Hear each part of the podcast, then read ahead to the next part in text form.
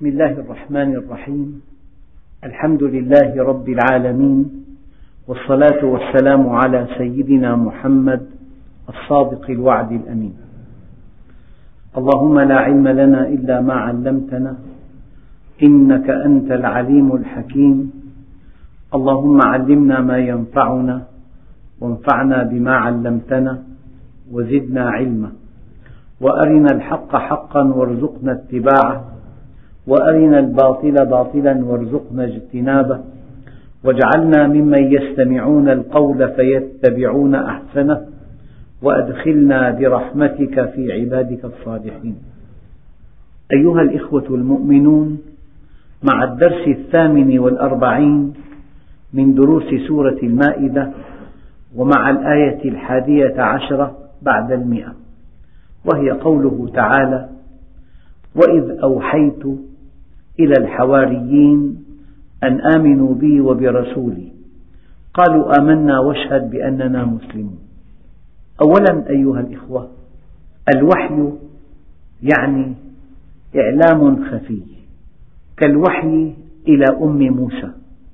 أحيانا يأتيك خاطر.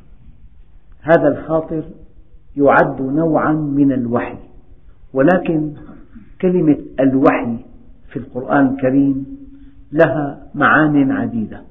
فأولا من معانيها الأمر إذا زلزلت الأرض زلزالها وأخرجت الأرض أثقالها وقال الإنسان ما لها يومئذ تحدث أخبارها بأن ربك أوحى لها يومئذ يصدر الناس أشتاتا ليروا أعمالهم فمن يعمل مثقال ذرة خيرا يره ومن يعمل مثقال ذرة شرا يره. بأن ربك أوحى لها يعني أمرها أن تخرج ما في بطنها. هذا الوحي للجماد أمر. وفي عنا وحي غريزة وأوحى ربك إلى النحل. هذا الوحي وحي غريزة أن اتخذي من الجبال بيوتا ومن الشجر ومما يعرفون وهناك وحي إلهام يعني إعلام بخفاء من دون صوت. يعبر عنه الناس بخاطر. بالمناسبة الإنسان له ملك يلهمه وله شيطان يوسوس له. وكأن الملك مهمته أن يدعو الإنسان إلى العمل الطيب وكأن الشيطان مهمته أن يدعوه إلى عمل خبيث والإنسان مخير. فإما أن يستجيب لملك وإما أن يستجيب لشيطان. فالوحي إعلام بخفاء. وإذ أوحيت هنا الوحي ليس وحي رسالة بالمناسبة آخر أنواع الوحي بل أرقى أنواع الوحي وحي الرسالة أي أن رسولا هو جبريل عليه السلام ينقل للرسول الذي من بني البشر وحي السماء. هذا وحي رسالة وفي وحي إلهام وفي وحي غريزة وفي وحي أمر. هنا وحي إلهام يعني أحيانا قد تخطر في بالك أكلة تحبها. تأتي إلى البيت إذا هي في البيت. قد يخطر في بالك إنسان بعد دقيقة تلتقي به. قال العلماء هذا نوع من الوحي إلهام يعني. الإنسان يلهم والحقيقة أن الإنسان أحيانا المؤمن بالذات يلهم الخير.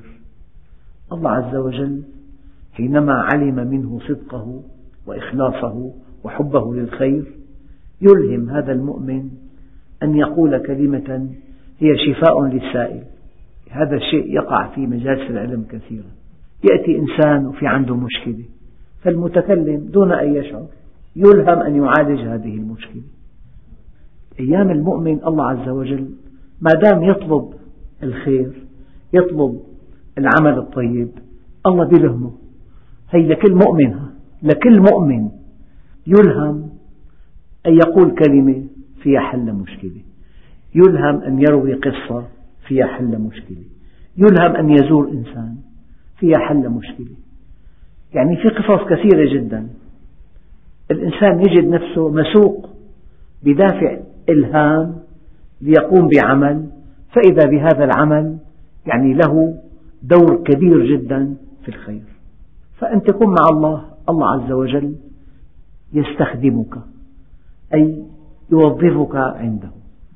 فهنا الوحي موضوع إعلام بخفاء إعلام بخفاء. وكل إنسان يمكن أن يكون له وحي من هذا النوع.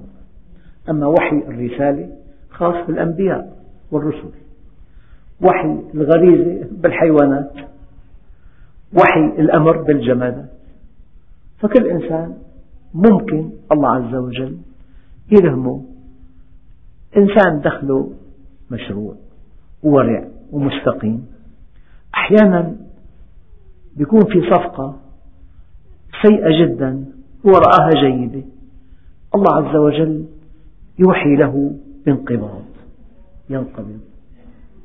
أيام يوحي الله عز وجل وحي الإلهام لإنسان ألا يذهب لهذا المكان. يكون في مشكلة كبيرة. أنت حينما تكون مع الله تلهم الصواب والسداد. وهذا من إكرام الله لك. وأنا أقول لكم أيها الإخوة يعني مستحيل إنسان يخطب ود الله عز وجل إلا والله عز وجل يريه نوعا من الكرامات. هذه نوع من الكرامات. أنه أنت تلهم أن تفعل شيئا هذا الشيء مهم جدا أحيانا. وأنا أؤكد لكم مرة ثانية ما منكم واحد إلا وله مع الله تجربة في هذا الموضوع. والقصص لا تعد ولا تحصى. هذا شيء يحصل لكل المؤمنين ولا يتميز بها مؤمن عن مؤمن. إلا أنه ما دمت تطلب الحق والعمل الصالح والخير تشعر أيام الله بيلهمك الخير بيلهمك كلمة معينة حركة معينة امتناع معين عمل معين تعليق معين يكون في خير كبير جدا.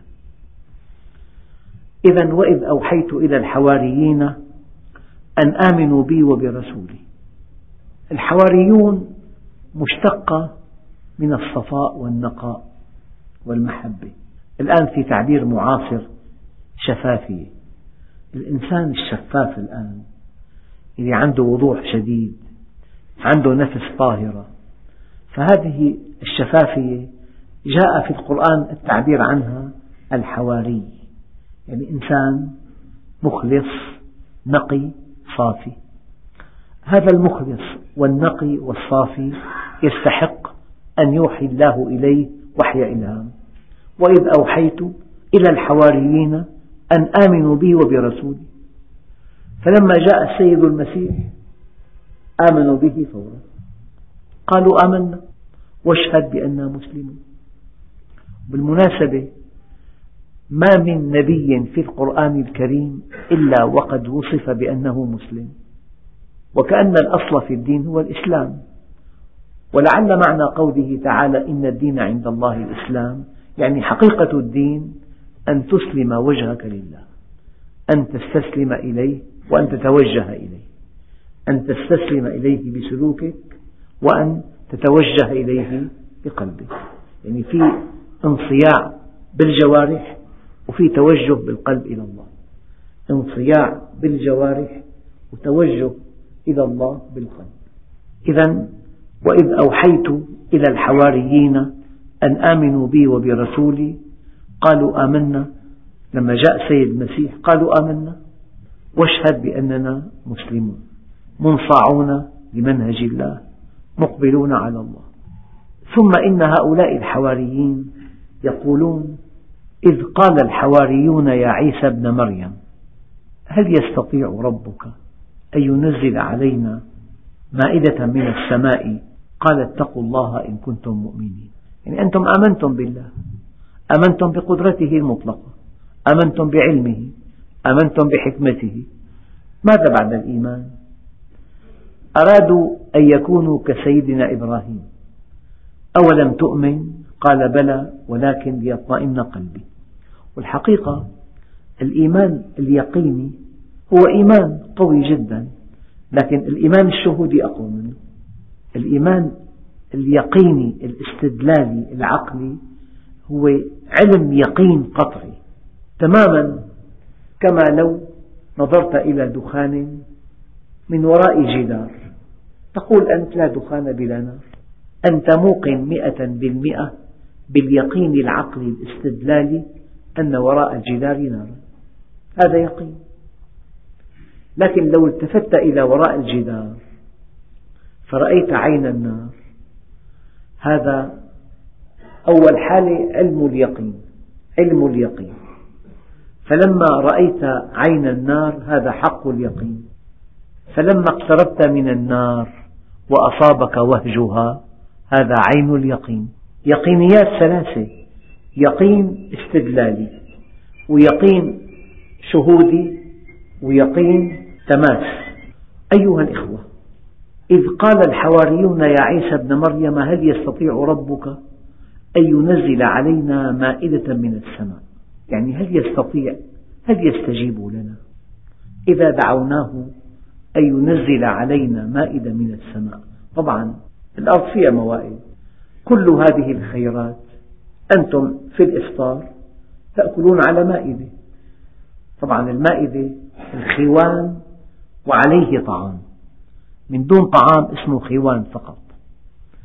فالمائدة مرطبات شربات مقبلات فتات مثلا آه، رز مع اللحم هذه مائدة الله عز وجل. من خلق الرز؟ اللحم الفواكه الخضار المقبلات. هذا كله من خلق الله عز وجل. ففي الأرض موائد لا تعد ولا تحصى وأحيانا الموائد لها منظر يلفت النظر. تنسيق في الأطباق وجمال في التزيين. هذه مائدة أيضا. لكنهم يريدون مائدة من السماء لا من الأرض. هل يستطيع ربك يا أيها المسيح لو سألنا الله أن ينزل علينا مائدة من السماء هل يستجيب لنا؟ أو في معنى آخر هل تستطيع سؤال ربك؟ هل تستطيع سؤال ربك؟ إما هل يستجيب أو هل إذا أمر شيئا أن يكون فيكون أي هل الأشياء تجيب الله عز وجل مع أن الحقيقة الصارخة أن كل ما في الكون إذا أمره الله عز وجل يطيعه صاغرا. كل ما في الكون إنما أمره إذا أراد شيئا أن يقول له كن فيكون. فالأمر الإلهي مطاع قولا واحدا. فالعلماء عددوا معاني هل يستطيع هل يستطيع؟ هل يجيب؟ هل يستطيع من الطاعة؟ يعني لو أن الله أمر شيئا أن يكون مائدة تكون لقوله تعالى إنما أمره إذا أراد شيئا أن يقول له كن فيكون. أو هل تستطيع أن تسأل الله عز وجل أن ينزل علينا مائدة من السماء؟ وكما قلت قبل قليل في علم اليقين هم موقنون قولا واحدا أن الله قادر. لكن لو أرادوا أن ينتقلوا من اليقين الاستدلالي إلى اليقين الشهودي. من اليقين الاستدلالي لليقين الشهودي. أنت بحياتك اليومية في حالات كثيرة جدا تستنبط أن الآلة معطلة. هذا يقين استدلالي. يعني حينما تضع السلك الكهربائي للمكواة في المأخذ وتبقى باردة. معنى المكواة معطلة. هذا استنباط استنباط عقلي. لكن لو فتحت المكواة فوجدت الوشيعة مقطوعة. انتقلت من استدلال عقلي لاستدلال شهودي. فكأن الحواريين أرادوا أن ينتقلوا من يقين عقلي إلى يقين شهودي. لكن السيد المسيح رأى في ذلك يعني تجاوز لمقام العبودية لله عز وجل. كل هذا الكون ينطق بوجوده ووحدانيته وكماله. قال اتقوا الله إن كنتم مؤمنين. أنت كمؤمن مهمتك أن تتقي الله فقط أن تطيعه وعلى الله الباقي. مهمتك أن تطيع الله فقط. بل الله فاعبد وكن من الشاكرين. قال اتقوا الله إن كنتم مؤمنين. ما دمتم آمنتم بالله عز وجل موجودا وواحدا وكاملا وخالقا وربا وإلها وأسماؤه حسنى وصفاته فضلى. يكفيكم هذا الإيمان. تابعوا. قالوا نريد أن نأكل منها. أن نأكل طعاما أعد في السماء لا في الأرض. وأن تنزل علينا مائدة من السماء.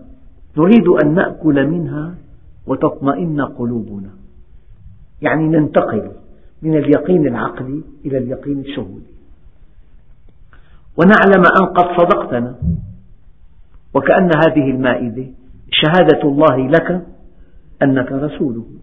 ودائما وأبدا حينما يرسل الله رسولا إلى خلقه هناك من يكذبه. لا بد من معجزة تشهد للناس أن هذا الإنسان الذي يقول إنه رسول الله هو رسوله حقا من خلال المعجزة. فقالوا نريد أن نأكل منها وتطمئن قلوبنا ونعلم أن قد صدقتنا. نريد أن ننتقل إلى الإيمان الشهودي بقدرة الله عز وجل ثم إلى الإيمان الشهودي برسالتك. وقبل كل هذا نريد أن نأكل. نريد أن نأكل منها وتطمئن قلوبنا إلى قدرة الله ونعلم أن قد صدقتنا إلى أنك رسوله ونكون عليها من الشاهدين لمن حولنا. نحن نكون أيضا رسل نشهد للناس بقدرة الله عز وجل من خلال هذه المائدة. سيدنا عيسى قال عيسى ابن مريم اللهم طبعا اللهم أصلها يا الله. لكثرة استخدام هذا النداء حذفت ياء النداء وعوض عنها بالميم. اللهم أصلها يا الله. إذا الحواريون توجهوا إلى الله هل يستطيع ربك باسم الربوبية؟ لكن سيدنا عيسى توجه إلى الله باسم الألوهية. مقام الألوهية يقابله مقام العبودية. يعني يا رب أنت إله ونحن عبيد. والعبد عبد والإله إله. وما على العبد إلا أن يطيع سيده. يعني كلما ارتقيت عند الله اقتربت من مقام العبودية. كلما ارتقيت عند الله ارتقيت إلى مقام العبودية. والنبي صلى الله عليه وسلم في أعلى مقاماته حينما بلغ سدرة المنتهى قال الله فأوحى إلى عبده ما أوحى. إذا في أعلى مقام تصل إليه أن تكون عبدا لله. فالفرق بين خطاب سيدنا عيسى وخطاب الحواريين الحواريون خاطبوا الله باسم الربوبية لكن سيدنا عيسى خاطبه باسم الألوهية. اللهم ربنا أنزل علينا مائدة من السماء. هم بدأوا نريد أن نأكل منها. سيدنا عيسى قال تكون لنا عيدا لأولنا وآخرنا يعني تكون آية باهرة دالة على عظمتك يا رب. نعود بهذه الآية إليك ونقبل عليك. فبدأ بالهدف التعبدي. هم بدأوا بالهدف النفعي. نريد أن نأكل منها وتطمئن قلوبنا ونعلم أن قد صدقتنا. ما سيدنا عيسى بدأ بالهدف التعبدي. تكون لنا عيدا لأولنا وآخرنا. وآية منك وارزقنا. ونأكل أيضا منها. وأنت خير الرازقين لكن أيها الإخوة في سنة من سنن الله عز وجل. وهي أن جهة من البشر إذا سألوا الله شيئا فلم يستجيبوا لله بعد هذا الشيء يستحقون الهلاك. لما طلبوا من سيدنا صالح ناقة ثم عقروها فدمرهم الله تدميرا. وأي جهة من البشر تسأل الله شيئا ليكون سبب الإيمان فإن لم يؤمنوا يستحقون بهذا الشيء الذي طلبوه هم فلم يؤمنوا يستحقون الهلاك. قال الله إني منزلها عليكم فمن يكفر بعد منكم فإني أعذبه عذابا لا أعذبه أحدا من العالمين. أحيانا إنسان يقول يا رب لو نجحت في الامتحان سأجعل بعد هذا النجاح توبة نصوحا لك. وكل إنسان بعاهد الله عز وجل. بيربط سيره إلى الله بشيء ثم يقع هذا الشيء ولا يسير إلى الله يكون هذا دليل كذبه ودليل استحقاقه البعد عن الله عز وجل. بالمناسبة قوم النبي عليه الصلاة والسلام وقالوا لن نؤمن لك حتى تفجر لنا من الأرض ينبوعا. أو تكون لك جنة من نخيل وعنب فتفجر الأنهار خلالها تفجيرا. أو تسقط السماء كما زعمت علينا كسفا أو تأتي بالله والملائكة قبيلا. أو يكون لك بيت من زخرف أو ترقى في السماء ولن نؤمن لرقيك حتى تنزل علينا كتابا نقرأه. قل سبحان ربي هل كنت إلا بشرا رسولا؟ قال علماء التفسير النبي عليه الصلاة والسلام رحمة بقومه لم يسأل الله هذه الطلبات. لو سأل الله هذه الطلبات ولم يؤمنوا لاستحقوا الهلاك والدمار. فلذلك رحمة بهم لم يسأل النبي عليه الصلاة والسلام ربه هذه الطلبات التي طلبها قومه حينما بعثه الله نبيا. أيها الإخوة الكرام الآن وإذ قال الله يا عيسى ابن مريم هذا القول يوم القيامة ولكن لأن الله سبحانه وتعالى يعبر عما سيكون بفعل ماض تحقيقا للوقوع. أتى أمر الله فلا تستعجلوه معنى ذلك لم يأتي بعد. وإذ قال الله يا عيسى ابن مريم أأنت قلت للناس اتخذوني وأمي إلهين من دون الله؟ قال سبحانك أنت منزه يا رب أن يكون لك ولد.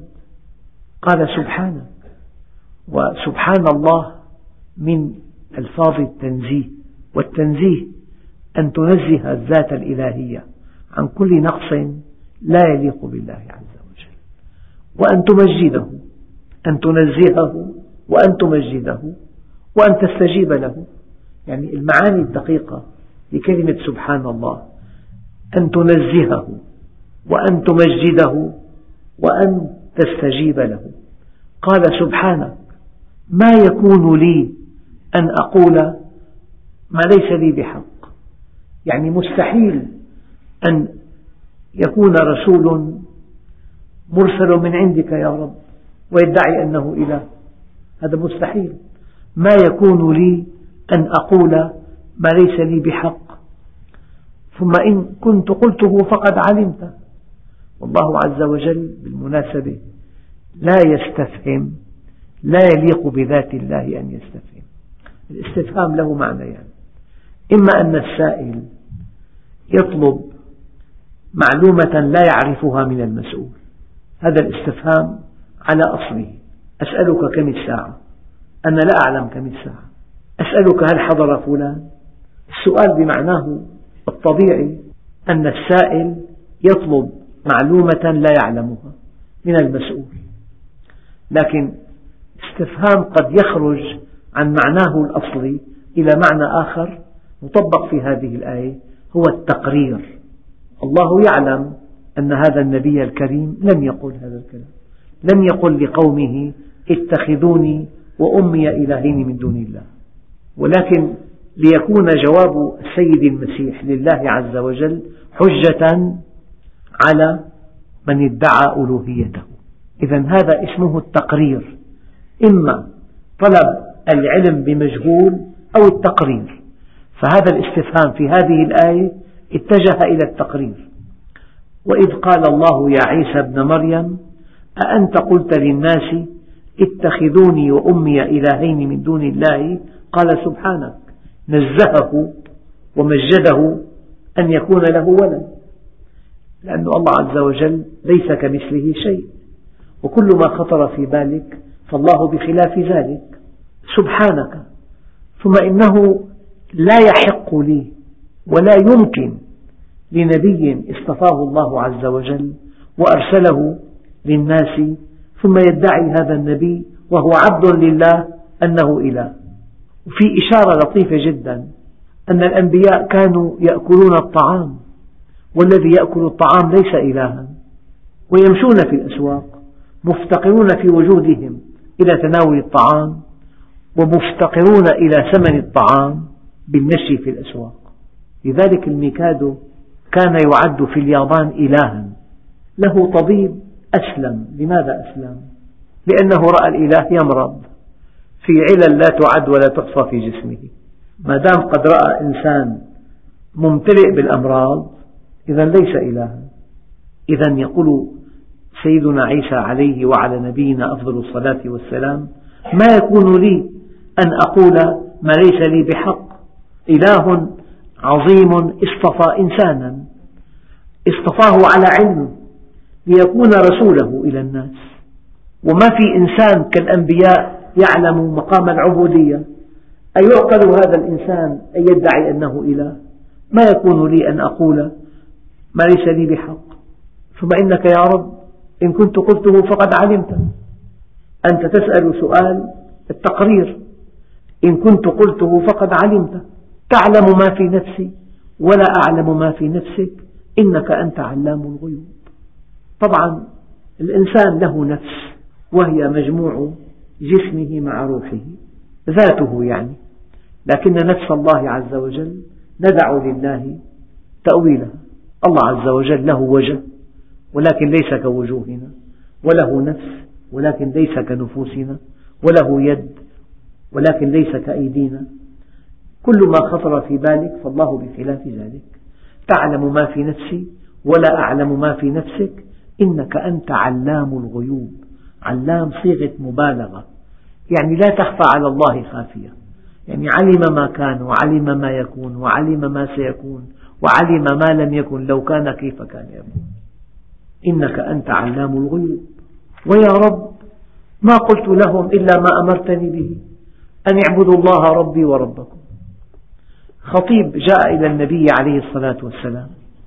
قال له ما شاء الله وشئت قال له بئس الخطيب أنت؟ أجعلتني لله ندا؟ قل ما شاء الله كان وما لم يشاء لم يكن. يعني أشد الناس توحيدا هم الأنبياء وأشدهم عبودية هم الأنبياء. ما قلت لهم إلا ما أمرتني به أن اعبدوا الله ربي وربكم. وكنت عليهم شهيدا ما دمت فيهم. أنا يا رب أشهد يوم القيامة عليهم أنني ما قلت لهم هذا الكلام. ومرة ثانية هذا السؤال خرج عن قصده الأصلي إلى قصد التقرير ليكون كلام السيد المسيح شاهدا ضد من ادعى أنه إله. فلما توفيتني كنت أنت الرقيب عليهم.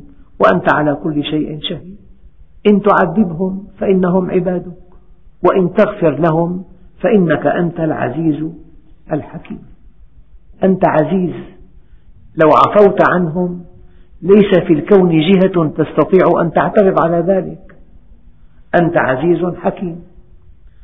أيها الإخوة إذا كان شأن السيد المسيح في هذا الموضوع هو عدم التألي على الله. يعني نبي كريم يقول يا رب إن تعذبهم فإنهم عبادك وإن تغفر لهم فإنك أنت العزيز الحكيم. فما بال أقوام الآن؟ لك فلان لجهنم فلان كافر فلان مؤمن. من أنت؟ هذا تألي على الله. مقام النبوة أعلى مقام. قمة في الكمال. هذا شأن الله عز وجل. فاحفظوا هذه الكلمة. تقييم الأشخاص من شأن الله وحده. لكن في تطرف أحيانا. شارب خمر غارق بالمعاصي لا يصلي لعل يكون ولي. هذا من أولياء الله. هذا كلام في لعب بالدين. هذا عاصي. هذا شارب خمر. هذا لا يصلي. ولكن يمكن أن يتوب وأن يسبق السابقين. هذا عدم التألي. فإذا مدحت إنسان قل أظنه صالحا ولا أزكي على الله أحدا. قالوا إن تعذبهم فإنهم عبادك وإن تغفر لهم فإنك أنت العزيز الحكيم. والحمد لله رب العالمين. بسم الله الرحمن الرحيم. الحمد لله رب العالمين. والصلاة والسلام على سيدنا محمد الصادق الوعد الأمين. اللهم أعطنا ولا تحرمنا أكرمنا ولا تهنا آثرنا ولا تؤثر علينا أرضنا وارض عنا. وصلى الله على سيدنا محمد النبي الأمي وعلى آله وصحبه وسلم والحمد لله رب العالمين